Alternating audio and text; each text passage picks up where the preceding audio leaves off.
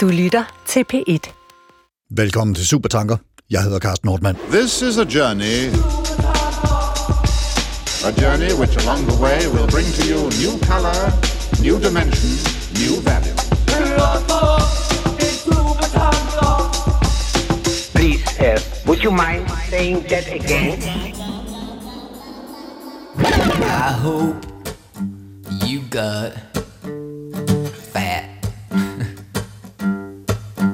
I hope you got really fat. Cause if you got really, really fat, you just might want to see me come back. I hope you got fat. Help me out. Hey! Hvad synes du om din krop? Er den for stor, for klein, for tyk, for tynd? Måske ikke tynd nok? Er du konstant i krig med den? Eller måske mod den? Hvad synes du om andres kroppe, og hvad de skulle tage at gøre? If you got truly fat, fat, fat, you just might want to see me come back. I hope you got fat. Be ready for instant action. Prepared for anything and everything. I 1604 døde den engelske poetaner og læge Thomas Moffat, og godt 140 år senere, i 1746, udkom hans bog med den udførlige titel Health Improvement or Rules Comprising and Discovering the Nature, Method and Manner of Preparing All Sorts of Foods Used in This Nation. Altså, hvordan man forbedrer sit helbred, eller regler, der omfatter og opdager arten af og måder og metoder til at tilberede alt slags mad, som vi bruger i dette land. Bogen viste sig at være en tidlig sådan gør man manual for spiseforstyrrelser og blev en skabelon for diætbøger flere århundreder fremover. Den bestod af 400 siders skønne opskrifter i blandet verbale angreb, der udskammede læserne og beskrev, hvordan de skulle undertrykke deres appetit af bare angst for, som han skrev, at grave deres egen grav med tænderne. Fordi, igen et citat, The wisest soul dwelleth in the most empty body. Det klogeste hoved bor i den tommeste krop. Det sidste her tilskriver Moffat den gamle græker Heraklit. Det klogeste hoved bor i den tommeste krop. Sådan har vi altså tænkt siden 1740'erne, måske endda siden antikken. Alberte Clement Meldal, radiotilrettelægger og vært og forfatter og tidligere fotomodel. Velkommen til dig. Tak skal du have. Du har skrevet en bog, der hedder Vægtløs, hvordan jeg stoppede krigen mod min krop i samarbejde med videnskabsjournalist Mette Bender. Vil du ikke øh, åbne banen med at fortælle lidt om, hvad den bog handler om, og hvorfor du har skrevet den? Jo. Øh, jeg har skrevet den, fordi jeg på et tidspunkt i mit liv tænkte, at nu, øh, nu skal det høre op med denne her krig, som jeg faktisk oplevede, at jeg øh, altid har haft imod min krop, altså været i gang med imod min krop. Øh, og øh, der skete det skældsættende personlige i mit liv, at jeg fik konstateret øh, knogleskørhed, eller i hvert fald meget tynde knogler. Og det var der ikke nogen, der havde en forklaring på, fordi på det tidspunkt var jeg stadigvæk en, en ret øh, ung kvinde øh, i, i starten af 40'erne, og, øh, og der er ikke knogleskørhed i min familie. Så øh, det undrede mig. Ja. Og, øh, og det undrede også lærerne, og det eneste, de kunne komme i tanke om, at det kunne skyldes, var, at jeg i store dele af min ungdom har fået for lidt at spise, fordi jeg arbejdede nemlig, som du selv sagde, som fotomodel. Og, øh, og det blev jeg oprigtigt chokeret over, for jeg havde aldrig nogensinde forestillet mig, at den krig, som jeg førte mod min krop, kunne have nogen som helst form for, hvad kan man sige, konkrete negative resultater øh, for kroppen. Altså der var simpelthen tale om, at fordi du, øh, mens din, din krop og dine knogler var ved at udvikle sig, så fik de ikke næring nok, og så blev de udviklede de sig ikke, som de skulle? Nej, de blev simpelthen ikke stærke nok.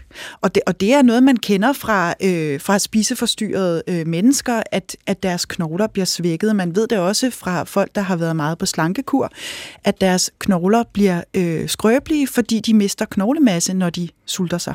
Og det er uanset, om man er tyk eller tynd og går på slankekur. Så, så det her fænomen er altså sådan set velkendt. Øh, men, men det chokerede mig, fordi jeg egentlig altid havde forbundet det at være tynd med noget, der var sundt. Så, så det, det, det rystede mig Ja. øh, i min grundvold. Og så var der en anden meget vigtig ting, øh, jeg opdagede, og det var, at uanset hvad jeg har vejet i mit liv, selv da jeg var allertyndest, og nu i dag, hvor jeg er meget tykkere, altså har mange flere kilo på kroppen, så har krigen i virkeligheden været konstant. Altså, så det, der gik op for mig, var, at inde for det her regime, inde for den her måde at se på kroppen på, som jeg og rigtig mange andre gør, så findes der ingen tilfredshed. Og så tænkte jeg, det kan simpelthen ikke være Det er rigtigt. en umulig krig. Det er simpelthen en, en krig, som er tabt på forhånd, og det er en krig, som på ingen måde handler om livskvalitet, eller glæde, eller trivsel, øh, eller sundhed. Tværtimod, så skaber øh, det at være i krig med sig selv fantastisk meget øh, tomhed. Det skaber øh, tristhed, øh, i nogle tilfælde depression, og, øh, og mørke, øh, og usundhed. Så, så øh, der tænkte jeg, nu er det tid til at gøre op med, øh, med, det, her, med det her regime. Og så øh, kastede jeg mig ud i sådan en journalistisk undersøgelse. Altså, det er jo ikke en PhD, jeg har skrevet, men det er en journalistisk undersøgelse, mm. hvor jeg forsøger at komme hele vejen rundt om øh, kroppen øh, i forskellige perspektiver, for at finde ud af, hvor kommer det her syn på kroppen fra, og hvordan gør jeg op med det? Og, og, og nu fortalte du, at øh, du var i begyndelsen af 40'erne og, og har været fotomodel formentlig i dine sene teenageår eller noget af den Og, stil. og meget længere tid, fra jeg var 14 til jeg var 30. Okay, men lad os sige, det er 30 år siden. Hvis vi nu tager fat i, øh, i, i øh, Thomas Moffat ned fra renaissancen. Som jeg i øvrigt, må jeg lige have lov til at sige, hvor var du god til at sige hele den titel. Det er jeg meget er imponeret over. Ja. ret lang titel. Øh, men- men også øh, Heraklit, altså måske, som har sagt det her med det klogeste hoved og den tommeste krop. Ja. Altså, hvor, hvorfor synes du, at sådan nogle udsagn er interessant i dag? De er jo elgamle. Hvis, hvis vi tager fat i Heraklit, så er det jo fra 500 år før vores tid. ja, det er lidt vildt, ikke? Altså, han er en af de før sokratiske filosofer, og for lige at placere ham, så er der jo nok mange, der vil kende ham for, for det der... Øh, øh, altså for den sætning, at alting flyder. Ja. Øh, men ellers så er der måske mange, der ikke øh, har hørt så meget om ham. Øh, og, og jeg ved sådan set heller ikke så meget om ham, men der findes en rigtig fin øh, oversættelse af nogle af hans fragmenter af Jørgen Meyer, som faktisk er min tidligere græsk- og latinlærer. Det synes jeg er øh, lidt... Han er desværre død, men han, han, øh, han har altså oversat øh, Heraklits fragmenter, i hvert fald en del af dem. Og jeg kan ikke lige umiddelbart finde lige præcis det citat der, men øh, til gengæld så beskriver Jørgen Meyer, hvordan Heraklit, som er en meget arrogant type, øh, til sidst bliver så menneskefjendsk, så han rejser ud i bjergene og lever af græs og planter. Og det er jo en, øh, tænker jeg, en form for øh, meget interessant antik spiseforstyrrelse, han der har haft. Og han bliver der også virkelig syg af det. Øh, der ophober sig væske i kroppen, og han er nødt til at vende tilbage til byen for at forsøge at behandle den her væskeophobning. Så, så et eller andet øh, forstyrret forhold har han jo i hvert fald haft til, til kroppen.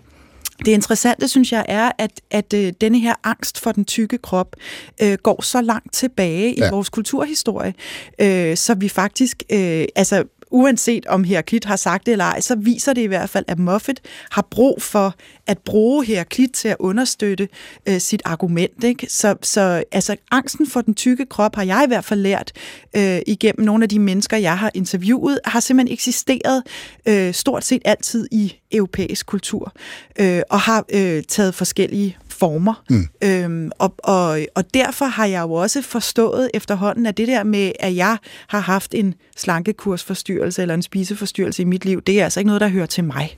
Øh, det er noget, der ligger dybt dybt i vores kultur, øh, og øh, er en del af, altså problemet er en del af, en, af et strukturelt, økonomisk, politisk, kulturelt problem, ikke? Som, som er langt større end min lille øh, spiseforstyrrelse, eller min karriere i modebranchen, om man så må sige. Og det kan være, at vores øh, medsammensvorene i dag øh, kan hjælpe os med også at kortlægge lidt af det. Øh, Inge Kryer Pedersen, lektor i sociologi med særlig henblik på sundhed ved Københavns Universitet. Velkommen til dig. Tak.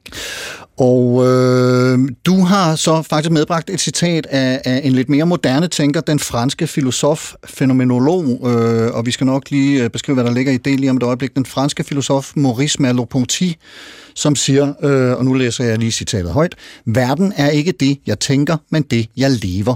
Jeg er åben over for verden, jeg kommunikerer med den, men jeg besidder den ikke, den er uudtømmelig. Og det er altså fra et værk af Maurice Merleau-Ponty øh, fra 1964, der hedder Le Visible, øh, L'invisible, altså det synlige og det usynlige. Kan du sige lidt om, hvad det er for et værk, og hvad det er for en, en, en diskussion, han går ind i her med, med, med de ord der? Jeg kan sige noget om øh, citatet. Det er lidt sjovt, fordi Albert og jeg har leveret et citat ind uafhængigt af hinanden. Og de her to citater er filosofisk set meget forskellige. Ikke i forhold til nødvendigvis, hvordan man oplever sin krop. Der kan det godt være sådan, at jo tommere den er, jo klogere føler man sig. Det ved jeg ikke. Men rent øh, filosofisk øh, bygger Merleau-Ponty sin kropsfænomenologi op på en helt anden måde. Altså han siger, han gør altså kropsligheden til grundlaget for hele vores eksistens øh, og gør op med en øh, krop-psyke-dualisme, som der jo godt kan ligge, ikke nødvendigvis, men det kan der godt ligge i Heraklits citat. Og grunden til, at en kristen læge øh, hiver fat i det, det er også fordi, at hele kristendommen, det har Foucault lavet en, en sindrig analyse af kristendommens historie. Den franske filosof Michel ja, Foucault. Michel Foucault, som ja. vi måske kommer lidt tilbage til. Ja. Øhm, han øhm, kommer ind på, hvordan kristendommen gør kroppen til indbegrebet af synd og lidelse, hvor det er åndeligheden, der skal fylde det hele, ligesom det også ser lidt sådan ud i Heraklits citat, derfor den kristne læge også tager fat i det, mm. går ud fra. Men øh, men det Alberte siger, øh, også i forhold til, eller også øh, det, det, øh, i forhold til at spise græs, altså kroppen, hvis, hvis kroppen bliver for tom, ja. så dør mennesket, og det er jo ikke særlig klogt, er det det? Ej, altså, ej. så øh, den her dualisme gør Merleau-Ponty i hvert fald op med, men det er jo sådan i mere filosofisk forstand, at han prøver at, at finde et, en ny begrebsverden, et nyt sprog, for ikke at tænke krop og sjæl, eller bevidsthed, eller psyke, eller hvad man nu kalder det, som to forskellige ting. Så når han siger krop, så siger han sådan set menneskeheden, eller kropsligheden, eller... Det er den der gamle øh, skældning, vi, vi prøver at lave mellem, om vi har en krop, eller om vi er en krop. Ja, det, nemlig, det, det, det, altså han ligesom går ind i. Vil jo sige, at vi er en krop, Ja. hvor Heraklit vil måske sige, at vi har et vedhæng, vi helst skal gøre så tomt som muligt, Et fordi hylster. så bliver vi så kloge som muligt. Det er et trælshylster. Han skriver den her bog i, i 1964, øh, Merleau-Ponty, øh, som du fortæller. Kan, kan vi sige noget om, hvad der er hans ærne på det her tidspunkt, og, og hvordan verden ser ud omkring ham? Det er, det er før modellen Twiggy, så vidt jeg lige kan, kan årstidsbestemme. Jeg kan ikke huske præcis, Ja. hun er fra, men, og altså, hende kommer vi tilbage til. han dør faktisk i, i han, ja, han levede fra, fra 1908 til 1961.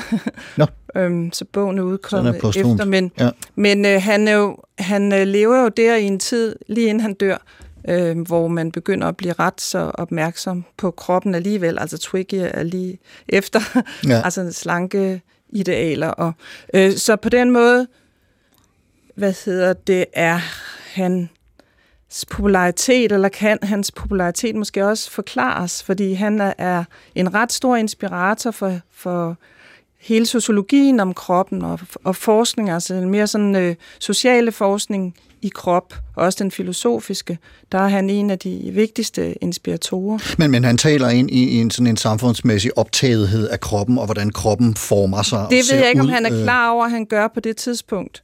øh, fordi altså, hans hovedværk er fra 1945, Nå, okay, ja. Kroppens fænomenologi, Ja. ja. uddrag af, det, af, af den er oversat til dansk og hedder Kroppens fænomenologi. Øh, men han, han var meget inspireret af Husserl, som øh, er den fænomenologi, vi kender i dag. Det, han, Vi skal måske lige have, have, fader. have forklaret det her begreb fænomenologi, fordi det er Ja. sådan lidt, øh, der ja, altså, til at altså. Altså, det betyder jo egentlig bare læren om, det er det der logi, og fæno, det er fænomener. Altså, læren om det, der viser sig. Ja. Så man, behø- man prøver som fænomenolog at beskrive tingene, som de er, men ikke som de er synlige overhovedet. det, det, altså, det er jo filosofi, vi lige her ja. øh, taler om. Altså, det er en måde at tænke på. Altså prøv at forestille sig, øh, hvad indeholder mennesket for eksempel. Ja. Det er jo ikke et, kun et medicinsk spørgsmål, det er jo også et filosofisk spørgsmål. Og, og øh, her prøver øh, Merleau-Ponty at gøre sig til kropsfænomenolog. Det var Husserl ikke. Men, men han, vil, han vil gerne forklare, hvad kroppen er på en måde, der gør op med kropsjæl-dualismen, som jo gennemsyrer hele filosofiens mange tusind års historie, Ja. i hvert fald flere tusind års historie, og også alle videnskaber egentlig. Altså bare se på universitetet, vi har åndsvidenskaber, og vi har naturvidenskaber. Og naturvidenskaberne, det er dem, der tager sig den fysiske krop, så kan man diskutere sådan de mere poetiske og samfundsmæssige sider af kroppen i åndsvidenskaberne. Øh, men men, men det, det er en, et udtryk for en, en skarp, altså selv videnskaberne er udtryk for en skarp opdeling af krop og det, vi kalder psyke eller Ja. bevidsthed. Eller sind. Alberte, med, med, med en kommentar til det her, du markerede. Ja, altså, øh, nu ved jeg jo ikke, om, om, om du vil være enig med mig, Inge, men, men det, der gik op for mig, jeg har faktisk, øh, jeg har selv læst teologi, hvor vi blandt andet også har læst Platon og Aristoteles og også Descartes, som jo altså, på en eller anden måde er sådan kulminationen af den her dualisme mellem krop og, og sjæl. Men, men det, der gik op for mig, det var, i hvor høj grad jeg stadigvæk som moderne menneske er præget af den her opfattelse af, at krop og sjæl, eller det mentale, er noget er to forskellige, helt uafhængige ting.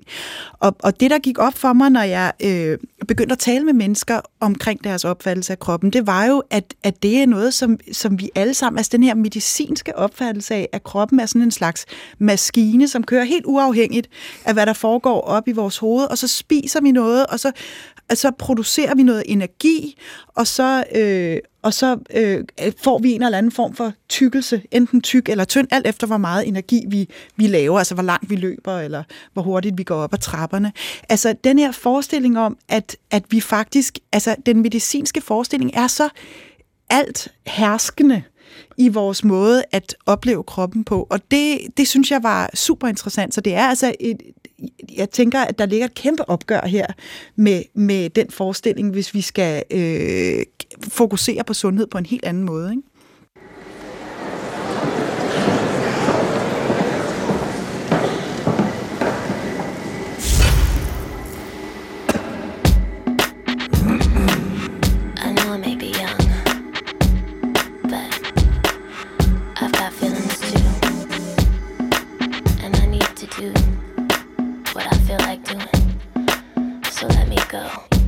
And just listen. Jeg abonnerer på et nyhedsbrev fra noget, der hedder Pocket, som hører til under internetbrowseren Firefox, og en service, der tilbyder interessante, relevante, aktuelle artikler, som man kan gemme i sin pocket, sin lomme, til senere læsning. Og det er ret bemærkelsesværdigt, hvor mange artikler om krop, fedme, tyndhed og slankemedicin, der er blevet anbefalet der på det seneste. Ikke mindst i forbindelse med lanceringen og udbredelsen af midlerne Ozempic og Wegovy. En af de anbefalede artikler kommer fra nyhedsbrevet Culture Study, hvor skribent Anne Helen Peterson under overskriften The Millennial Vernacular of Fat Phobia og tusindskiftet sprog for tykfobi beskriver, hvordan hun som ung blev påvirket af populærkulturen omkring 1990'erne og 2000'erne til at anlægge et særligt, det fremherskende, kropssyn. En amerikansk blad, 17 hedder det, det må være en pendant til Vi Unge, udgav en forside med en sød, smilende og vinkende ung kvinde, skal vi gætte på, hun er omkring 17, i vandkanten, iklædt en farvestrålende bikini, den der type med et tørklæde bundet om hoften. Hun er ikke tynd, hun er ikke tyk. Forsiden ansporede en række breve til bladet, hvoraf bladet selv senere offentliggjorde tre. Det ene udtrykte lettelse over billedet. Det andet takkede bladet for at vise en kvinde, der, citat, glemmer at lave aerobics en gang imellem. Og det tredje skrev, at hvis de ville have en personlig bikini på forsiden, citat, burde hun have en bedre figur. All you people look at me like I'm a little girl. Well, did you ever think it'd be okay for me to step into this world? Always saying, little girl, don't step into the club. Well, I'm just trying to find out why, cause dancing's what I love. Oh, Yeah. De tre breve får Anne Helen Petersen til at konkludere, at den unge piges krop er i anførselstegn normal. Og altså både ønskværdig og opnåelig, men også, at den er ikke ønskværdig, utilstrækkeligt kontrolleret, ikke egnet til at vise frem, ikke ideel. Kvinden hedder i øvrigt Alexa Lixfield. Hun er designer og glaskunstner, og man kan se billedet af hende på bemeldte forside ved at søge på hendes navn online. De tre breve er alle tre skrevet af kvinder i flertal. Grupper af kvinder, som muligvis har sat sig sammen og har diskuteret kroppen på forsiden. Forsiden er et blad, som i perioden 1992-2003 ramte 87 procent af amerikanske piger i alderen 12-19. Bladet udkom, og udkommer stadig, hver anden måned. Og i hvert af de år bemeldte måling blev foretaget, var der gennemsnitligt 6-27 artikler, der handlede om kroppen. Det må give 4-5 artikler per udgivelse. Artikler om problemer med kroppen, og artikler om, hvordan man løser problemerne og opnår, igen i anførselstegn, idealkroppen. Kroppen er, ifølge dette her blad, som altså rammer 87% af målgruppen, et projekt, som kræver konstant vedligeholdelse for at opnå dens ideelle, attraktive form. Slank, men ikke alt for tynd. Tonet, men ikke alt for muskuløs. Et ideal, som peakede i Britney Spears-videoen Slave for You, og som vores skribent Anne Helen Peterson og hendes generation, generation Z og millennial-generationen, har mødt i blandt andet Britney Spears' mave.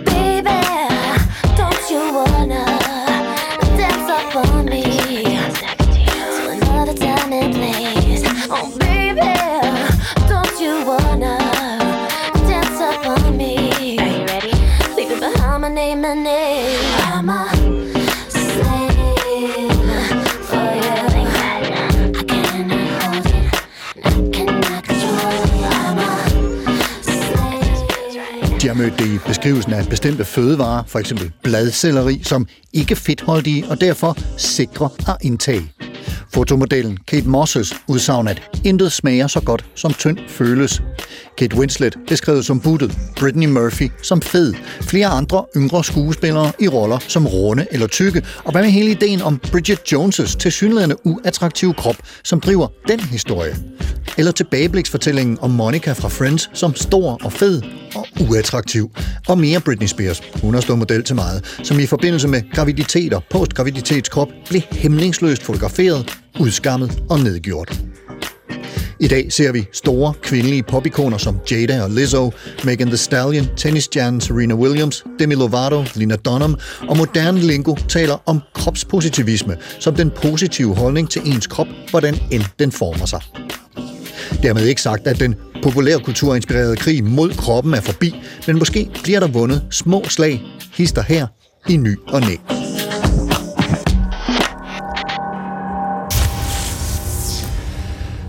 Inge Kryger Pedersen, øh, det her citat af Maurice Merleau-Ponty om, at verden ikke er det, jeg tænker, men det, jeg lever. Kan du prøve at sige lidt om, hvad, hvad det betyder? Altså, hvad er det, Merleau-Ponty siger til os med, med, med de sætninger der? Ja, nu har vi jo lige fået et festligt indslag omkring øh, overflader, altså kropslige overflader. Ja.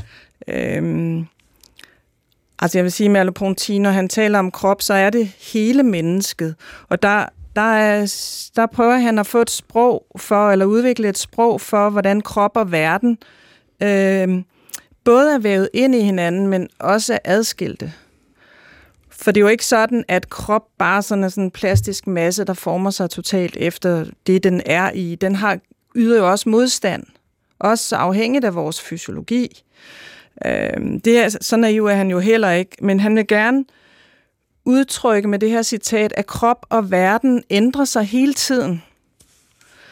Og øh, det synes jeg, dit, øh, hvad skal man sige, sådan mere samtidige billede jo også øh, egentlig illustrerer ganske godt. Sådan øh, vil man måske ikke skrive, øh, og heller ikke se ud for 100 år siden, men, men det er jo ikke fordi, at kroppen ikke altid har været interessant for nogen.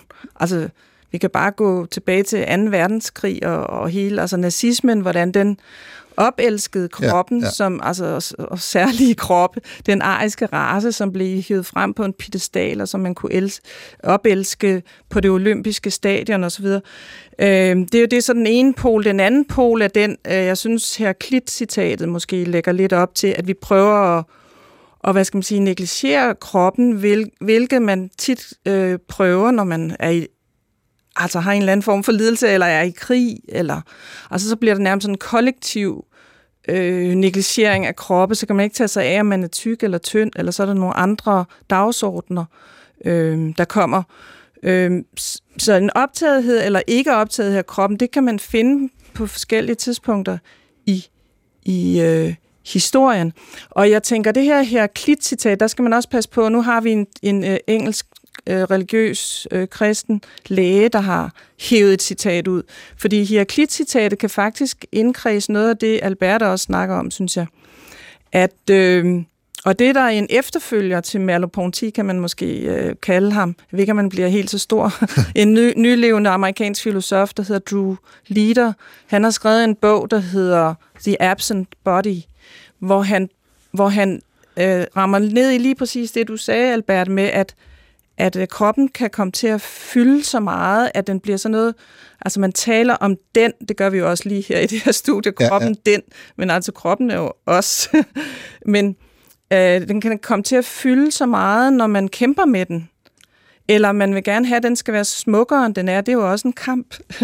Eller den skal være tyndere. Du taler også i din bog om, om krigen med kroppen. Det kunne jeg godt tænke mig, at vi kommer tilbage til, hvorfor du skrev krigen med kroppen.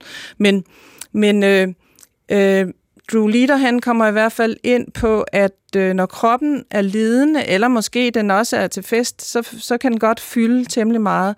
Men øh, hvis vi er raske og bare lever vores hverdagsliv og sådan noget, så, så er den så var- er den måske lidt tom, eller så tænker vi ikke over den. Så er vi bare et på en måde med, med kroppen. Og verden. Den, den trænger sig ikke på, som den gør, når vi er syge, eller, eller vi er for tykke, eller for tynde, eller, eller Men, men, men hvordan stemmer det med din erfaring, det her, øh, Alberte, som, som uh, Inge fortæller? Altså nu kan man sige, som fotomodel, der har man jo meget fokus på, uh, at, at Overfladen. kroppen, uh, ja, og hvordan Ja. ja. kroppen... Ja, kro- kroppens Er overflade. Ja, Ja, ja. ja. ja. Altså, øh, jeg vil sige det sådan, at, at det, der gik op for mig, det var jo, at det er faktisk de færreste mennesker, som bare er i deres kroppe. Øh, de allerfleste mennesker er overopmærksomme på deres kroppe, fordi de hele tiden synes, der er noget galt med den. Og det er jo lige præcis uanset om de er unge eller gamle, eller mænd eller kvinder, eller tykke eller tynde, eller lige midt imellem, så har de fokus, så har vi fokus på kroppen som, som noget, der skal øh, øh, være anderledes, noget, der skal fixes, noget, der skal øh, trænes, noget, der skal øh, øh, gøres mere sexet, mere salgbart, øh, kapitaliseres på på en eller anden måde. Men, men det, som jeg synes er interessant, øh, Inge, i det du siger, det der med, at kroppen hele tiden forandrer sig, det er jo, at øh, de fleste mennesker øh, øh, hvis de øh, tænker efter, jo faktisk har en meget personlig erfaring for, at det er det, kroppen gør hele livet igennem. Altså, at man fra man er barn til man øh, bliver gammel, så forandrer kroppen sig hele tiden. Og det kan jo være, hvis man bliver syg, men det kan også være, fordi man er ved at træne op til et maraton, eller det kan være, fordi at man skal føde, eller øh, at man tager på med årene, eller bliver højere, når man øh, er et lille barn og bliver højere og højere. Altså mine små piger på 8 og 10 er, er nærmest dagligt forundret over, hvor meget de vokser. I altså højden. i højden og Ja. i skostørrelse. Ikke? Altså de, de forundrer selv over, ja. at de vokser, øh, ligesom moren gør det. Ikke? Så, så det der med, at vi tror, at vi kan fastholde øh, sådan et øjebliksbillede, og i modebranchen, sådan som den ser ud i dag, så er det jo et, et billede af en 16-årig øh, ung kvinde, øh, som, som vi forsøger at fastholde hele livet igennem, men sådan er kroppen ikke, og, og det bliver man ulykkelig af at prøve at gøre. Der foregår jo rigtig mange samtaler i de her år om folks øh, identitet baseret på adfærd, udseende, altså køn, seksualitet, etniske forhold osv., kroppe i verden. Og, og efter en årrække, hvor vi har haft samtaler om fedmeepidemier og spiseforstyrrede, supertynde unge mennesker, så taler vi nu om, om øh, som jeg også lige nævnte i, i øh, indslaget før, kropspositive og tykaktivister. Mm. Er, er, er der en anden måde for dig at se, øh, Albert, at tale om folks vægt, end man for eksempel taler om deres køn, seksualitet, hudfarve osv.? Er, er der nogle, ligger der nogle andre aspekter i den her samtale om kropsstørrelse og kropsvægt, som, som adskiller sig? Øh, altså, øh, ikke, ikke, egentlig ikke umiddelbart. Altså, jeg synes, at øh, opgøret med øh, den tynde, den ultratynde idealkrop er en frihedskamp på linje med opgøret mod alle andre typer af undertrykkelse, internaliseret eller ej. Altså, det er, det er øh, opgøret med øh, racediskrimination, med kønsdiskrimination, med øh, diskrimination af homoseksuelle osv. Og, og de er meget ofte forbundet, de her øh, forskellige typer af diskrimination. Altså det værste, man kan være, det er en, en sort, lesbisk, tyk kvinde. Ja. Øh, altså, øh, så, så kan man næsten ikke blive mere øh, marginaliseret i samfundet. Så, så for mig at se, så, så er opgøret med øh, den snævre kropsforestilling, og, og jeg vil være enig med dig, Inge, i, i det, du sagde før. Altså, det er jo ikke, fordi vi skal holde op med at være kroppe. Vi skal ikke holde op med at, at tale om kroppe, for kroppe er jo interessant. Vi er vores kroppe, men vi skal holde op med at være... Øh, øh, optaget af at udskamme andre mennesker for deres kroppe, og, og dermed også vores egen, ikke? Fordi, fordi det ligger jo, øh, altså, den, det, altså hvis man ikke bryder sig om sin egen krop, så er man tilbøjelig til også at være utrolig optaget af andre menneskers kroppe. Øh, så så øh, vi skal, altså, det, det er en frihedskamp, tænker jeg. Hvad, hvad, hvad siger du, øh, Inge, som, som sociolog, altså øh, om, om øh, samtalen om vores kroppe og, og deres størrelser og udseende? Er, er den anderledes for dig at se en, en samtale om for eksempel race eller seksualitet, eller nogle af de andre identitetsparametre, som er til diskussion i de her år? Nej, fordi øh, altså mange identitetsmæssige spørgsmål er jo knyttet til krop, altså køn og etnicitet osv., så, videre. så knytter man det til hudfarve, eller man knytter det til nogle særlige øh, kvindelige eller kønslige træk, eller hvad, hvad det nu er, man diskuterer i forhold til forskellige former for, for hvad skal man sige, øh, måder at sætte etiketter på folk. Øh, så det, øh, det kan, jeg kan sagtens se nogle ligheder, men jeg tror også, man bliver nødt til at være meget konkret, når man, altså man ikke bare siger kropslige forandringer, det er det samme som kønslige forandringer, eller Altså, det kommer jo an på, hvad... Altså, nu, nu, nu er det jo et filosofisk program, det er derfor, jeg Ja, tog ja. et filosofisk citat med, men jeg er jo egentlig sociolog. Øhm, og øhm, nu har jeg lige hævet Drew Leader ind i den her samtale, så er det jo, fordi han går en lille smule mere sociologisk til værks, end Merleau-Ponty gør. Fordi han siger, okay, jamen, vi skulle gerne gøre op med den her toverdenslegende, som Descartes han jo også øh, konstruerer med sit øh, cogito Ja. ergo sum. Altså, jeg tænker, altså er jeg. Altså, man har noget af en, der tænker, og så har man noget andet, der... Øh, Er fysisk. nogle gange er det forstyrrende, og andre gange så er det det, man fremhæver Ja, ja. i historien eller som, som filosof. Men reelt i verden, der er det jo sådan, at når din datter bliver 12 år, kan hun godt se, at hun ikke længere kan passe de bukser, hun fik, da hun var 10 år.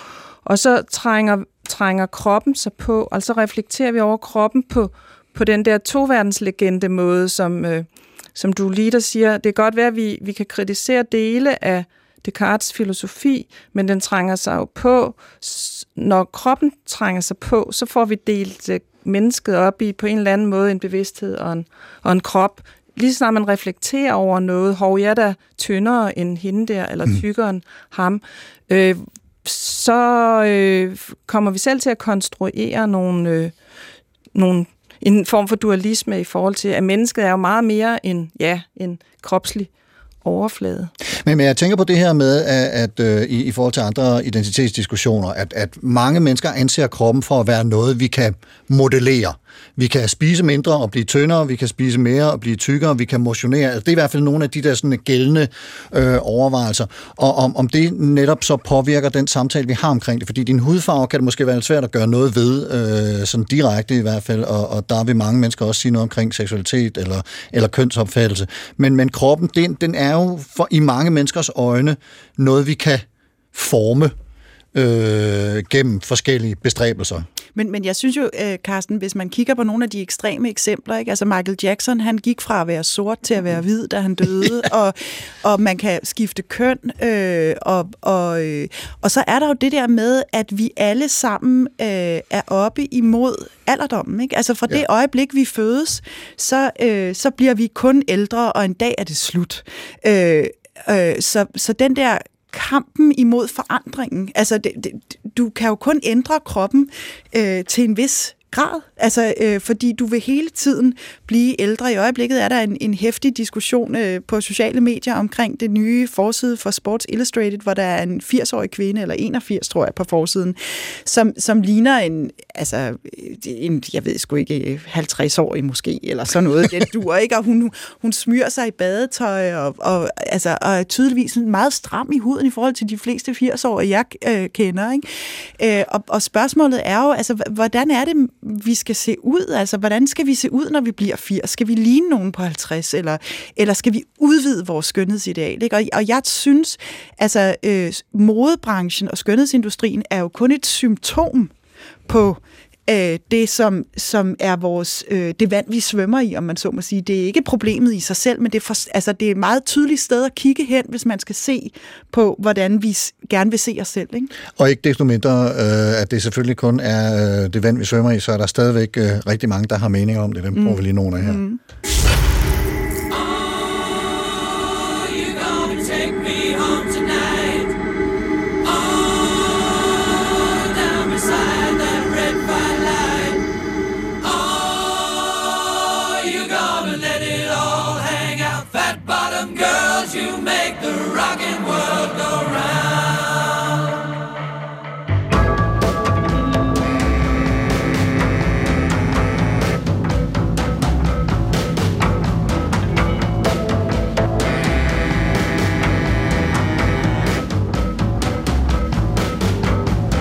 Tyk eller tynd, eller måske ingen af delene. Uanset om man er, eller synes man er, for meget af en af delene, så er både vores egen og alle mulige andres kropsvægt, kropsstørrelse og kropsform noget rigtig mange mennesker forholder sig til og udtaler sig om i diverse fora.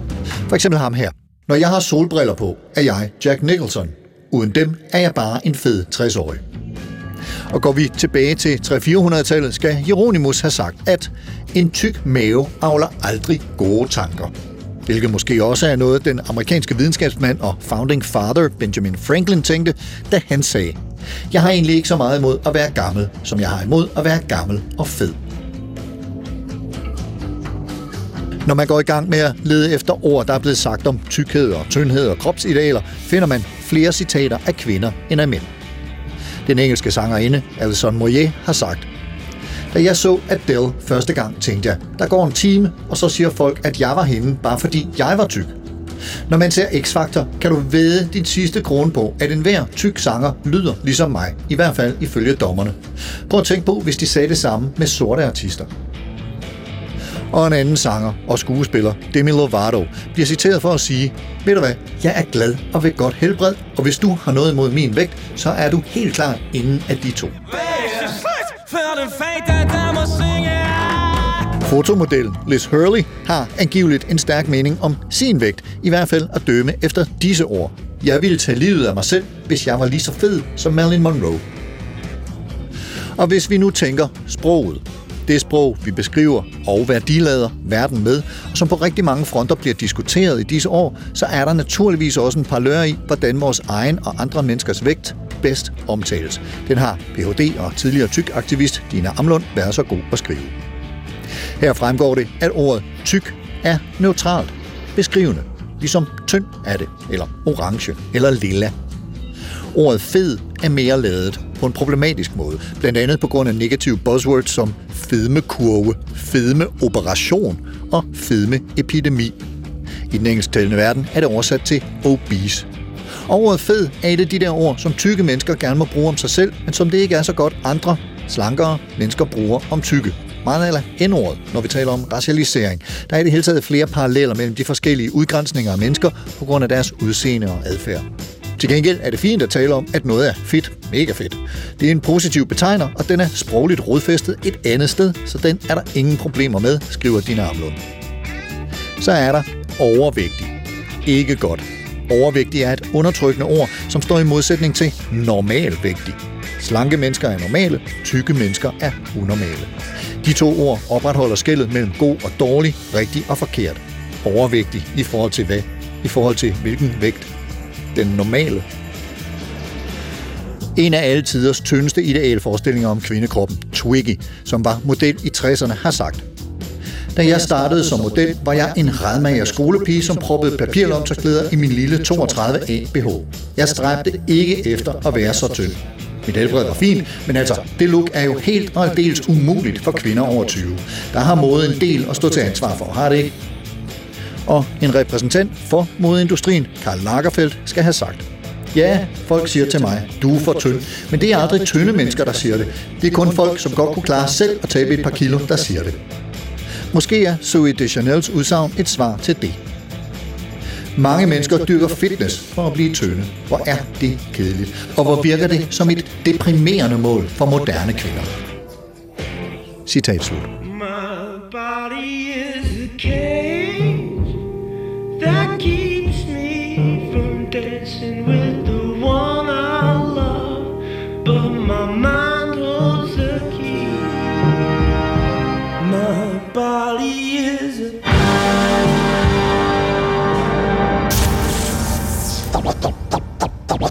Would you mind saying that again?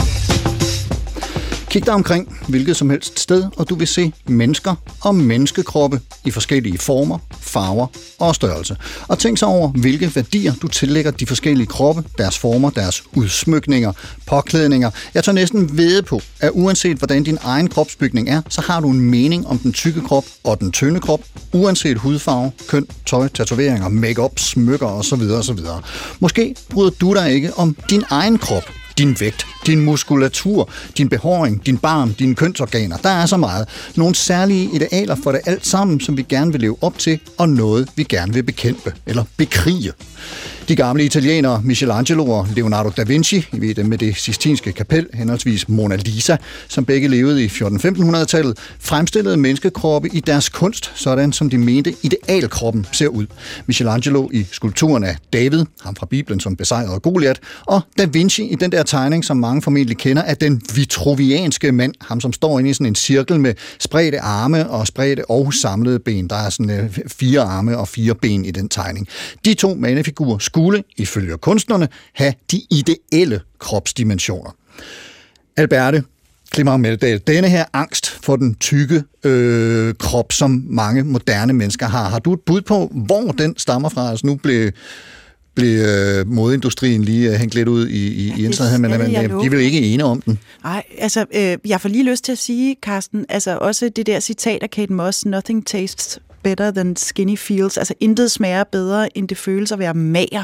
Altså, jeg kan huske den følelse af at være mager.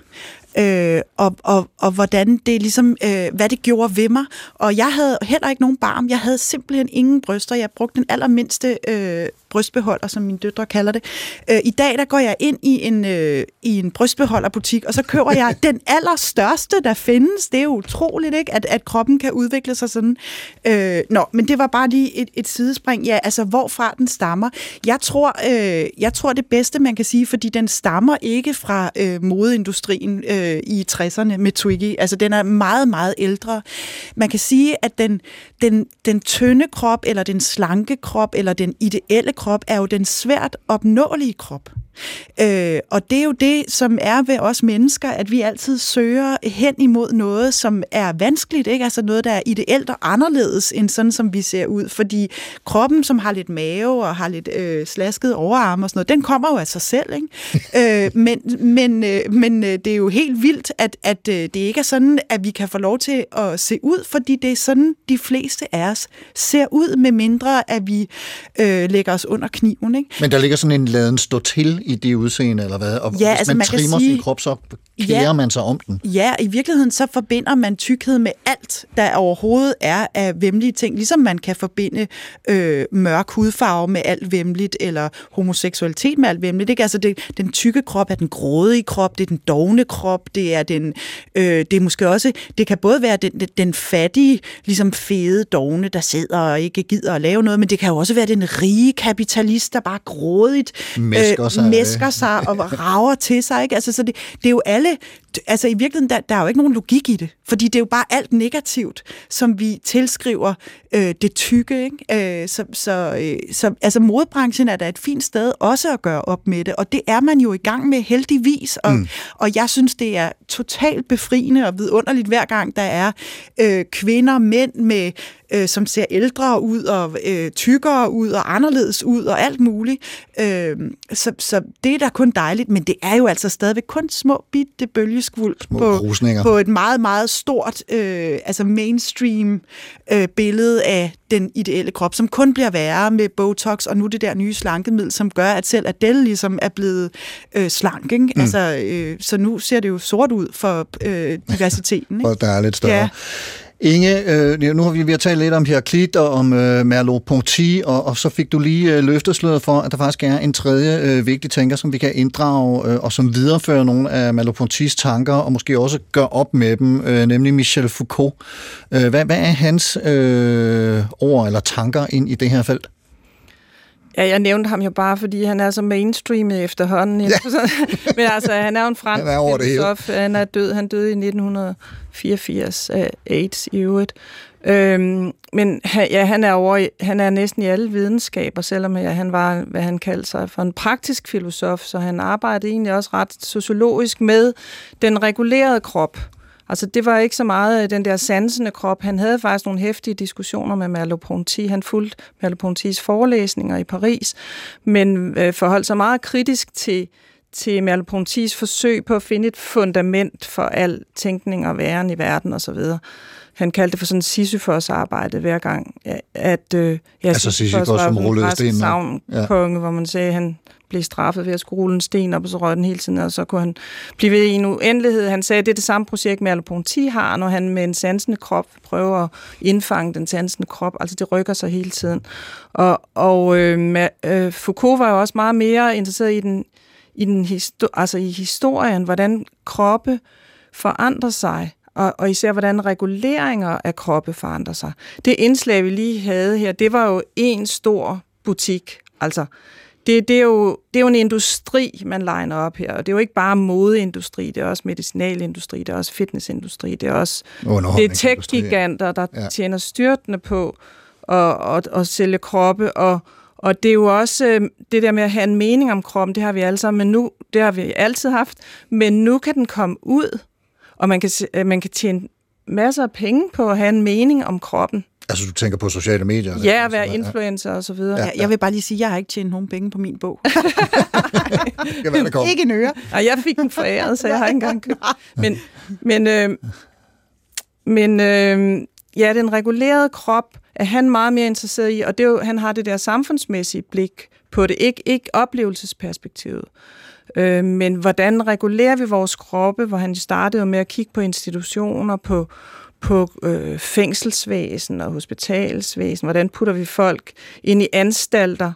Øh, han har skrevet galskabens historie og klinikkens fødsel og sådan noget. En gang øh, rendte de gale rundt i de franske skove og råbte, så blev de puttet ind i anstalter, og så fuldt hele, hele historien omkring, hvordan vi ordner vores kroppe for folk til at tige stille og så videre. Tæmmer samfundet. Ja. Dybest set, eller hvad? Ja, ja og så, øh, så han havde meget det der sådan, øh, disciplineringsblik på, på kroppe. I sine seneste dage, øh, de to sidste værker, han lavede af seksualitetens historie, han lavede i alt tre, men de to sidste, de handlede om det, han kaldte for selvets teknologier, øh, som var et helt andet blik på kroppen. Altså det var mere, hvordan man selv kunne arbejde med kroppen, øh, som sådan en form for, det kunne være livsæstetik, eller askese, eller sådan, øh, altså hvordan man, man kunne udvikle øh, forskellige øh, sider af sig selv, men stadigvæk selvfølgelig inden for nogle samfundsmæssige rammer. Altså det var ikke fordi, at, at alle mulige disciplinerings... Øh, af samfundet var fjernet. Vi skulle stadigvæk som mennesker leve i institutioner, men han fik mere sådan også det, hvad skal man sige, det indre arbejde, det indre reguleringsarbejde, kan man sige. Han er stadig hele tiden beskæftiget sig med den regulerede krop, men, men øh, mest fra et eksternt øh, Øh, med et eksternt blik, men så også på sine øh, sidste dage øh, på, med et øh, mere internt blik på kroppen. Ja, jeg, jeg har sådan en, en uh, idé om, og det kan godt være, at uh, det er bare fordi, jeg har haft uh, fokus på, på, på det her emne nu i, i nogle uger, men jeg har sådan en eller anden forestilling om, at, at uh, inden for de senere år, der er det blevet mere fremherskende. Vi taler mere om kroppe i dag, end vi måske gjorde tidligere, og, og jeg ved, du har talt, Inge, om noget, der hedder, man kalder den kropslige vending. Uh, jeg ved ikke, om, om, om den ligesom uh, er en eller anden form for grundlag for, at, at uh, det er kommet i fokus igen, eller på en større måde? Eller? Jo, det er jo derfor, sådan nogen som Foucault er blevet mainstreamet, fordi han har så meget at sige om, hvordan vi kan regulere kroppe. Ja. Og også Merleau-Ponty stadigvæk eksisterer, selvom han er død for mange år siden. Øhm, altså den kropslige vending har siden slutningen af 1900-tallet, altså 80'erne og 90'erne, været et udtryk, man har brugt for al den viden, der opstod. Og sådan set også øh, snak og politik og, og medieopmærksomhed, der opstod på kroppen. Og det har jo lige så meget også at gøre med, øh, altså der fra 80'erne og 90'erne, alt det her stillesiddende arbejde, store ændringer på arbejdsmarkedet, øh, hvor man lige pludselig skulle sidde på en kontorstol, øh, og altså en voldsomt udvidet servicesektor, hvor det også betød ret meget, øh, hvordan man kom til at se, eller hvordan man så ud. Mm. Øh, men selvfølgelig også nogle andre øh, samfundsmæssige, folkesundhedsmæssige strømninger på det tidspunkt, også en sub, subkulturelle forandringer i forhold til identitets, øh, øh, forskellige bevægelser omkring identitetsdannelse. Det spillede jo ind i sådan en mangfoldig interesse for kroppen på det tidspunkt, som ikke er fjernet. Men man har altid talt om vendinger, så, altså, så har man talt, om den, talt også om den virtuelle vending og den materielle vending og den og så videre. Ja. Øh, men, men, men den kropslige vending var sådan ligesom øh, en, øh, et udtryk for, at nu er der rigtig meget viden om kroppen. Nu har vi tidsskrifter, der hedder Body and Society. Nu har vi et, en, øh, den, det første rigtige kropssociologiske bog udkom i 1984 af Brian S. Turner. Den hedder The Body and Society, hvor han oplegnede alle de der forskellige måder, man kan anskue kroppen i, i et samfund på. ティップティップティップティップティップ。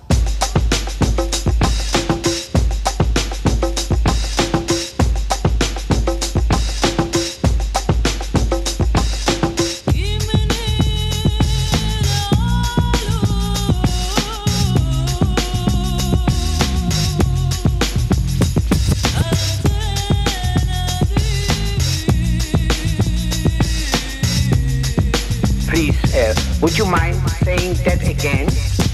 Thinking of a master plan. Supertanker, Alberte, Inge og Karsten og Heraklit og Maurice Merleau-Ponty og Michel Foucault, han sniger sig ind alle mulige vegne, den gode Foucault, som, uh, Foucault, som, som Inge også lige var inde på.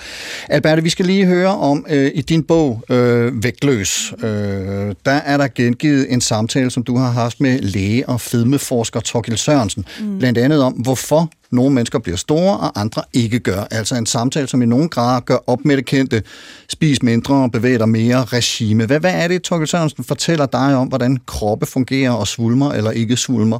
Ja, altså, øh, Torgild har forsket i, øh, i det, han kalder fedmegåden øh, i mere end 50 år. Og det er jo interessant, fordi øh, vi går jo alle sammen rundt og tror, at man godt ved, hvorfor øh, at nogen bliver tykke og nogen bliver tynde, fordi de spiser for meget og bevæger sig for lidt. Men det øh, kan Torgild altså sige, at så, så let går det ikke.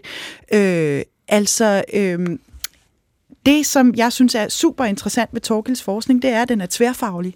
Øh, så det er altså ikke kun medicinere, der sidder og øh, forsøger at finde ud af, hvorfor at nogen bliver tykke og nogen bliver tynde. Og øh, Torkild har masser af pointer. Jeg kan kun nå at sige et par enkelte af dem, og det er blandt andet, at, øh, at det ser ud til, at øh, tykkhed, for ikke at bruge ordet fedme, har en meget stor social slagside, så, så det er vigtigt at se på, hvorfor at øh, man i nogle samfund bliver tykkere end i andre samfund. Og der kan man altså se, at i samfund, hvor der er meget lidt tryghed, altså politisk, økonomisk tryghed, der øh, bliver folk tykkere end i samfund, hvor der er et stærkt socialt sikkerhedsnet. Det kan man blandt andet se i Thatchers England og i Reagans USA, mens at i Norden, hvor vi har et stærkt socialt sikkerhedsnet, altså et velfærdssamfund, der bliver folk mindre tykke.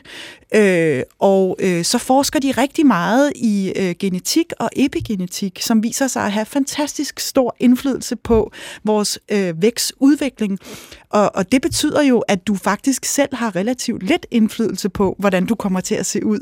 Du kan kæmpe imod øh, din krops naturlige destination, men den vil formodentlig altid vinde. Øh, så, så det er jo meget interessant, synes jeg, at slankekur kan man altid gå på, men din krop vil formodentlig forsøge at, øh, at genfinde Kom den samme til. vægt. Ikke? Ja. Ja, ja. Vildt nok.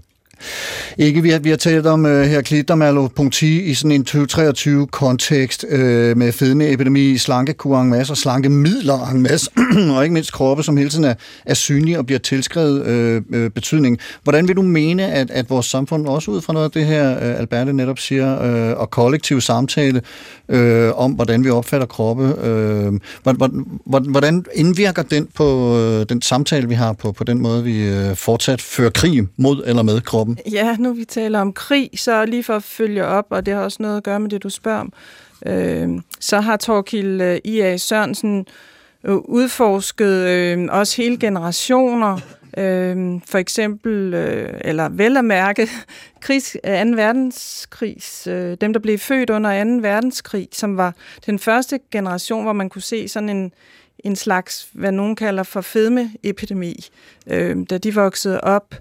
Øhm, og det er jo det interessante ved sådan noget epigenetik, det hæver sig op over den enkelte, det enkelte individs øh, genetiske struktur, men kigger på hele befolkningen, og er der nogle mønstre, vi kan se her, som måske ikke øh, lige har noget at gøre med, hvad vi putter i munden, og hvad vi så forbrænder igen, men der er også nogle, nogle øh, større aspekter på spil, hvilket kan være meget svært at bevise. Men øh, det er jo også sådan, sociologer arbejder. Der findes også en del øh, kropssociolog, øh, kropssociologi, som jeg, jeg var lidt kort inde på det her med, hvordan hele befolkninger, kan man sige, nogle gange tager afstand fra kroppen, eller hele befolkninger dyrker kroppen, og det har en også indflydelse på, øh, hvordan man håndterer øh, kroppe sådan i mere generelt befolknings, øh, på, på et mere generelt befolkningsplan. Så i stedet for at individualisere for eksempel, øh, øh, nu taler vi også om at sætte etiketter på folk, i stedet for at individualisere problemerne, kunne man jo også løfte op til en verden, vi er i og bevæger os ud i, og som hele tiden påvirker os, men vi kan også påvirke den, for lige at komme tilbage til ja. Merleau-Ponty-citatet. Perfekt. Det var simpelthen de supertanker, vi nåede øh, i dag. Vigtige, øh, måske ligefrem vægtige tanker, vil jeg mene. Og hvis du også synes det, og har brug for at genhøre nogle af dem, så kan det som altid lade sig gøre i DR Lyd, hvor der også er mulighed for at genhøre en masse andre supertankerudsendelser. Alberte Clement Meldal, radioproducer og vært forfatter. Mange tak, fordi du kom og foldede din viden og erfaring om kroppen ud for os. Ja, det er mig, der takker.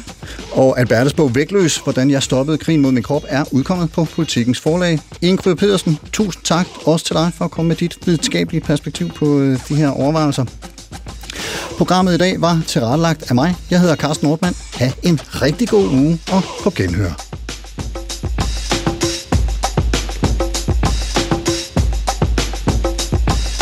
Thinking of a master plan.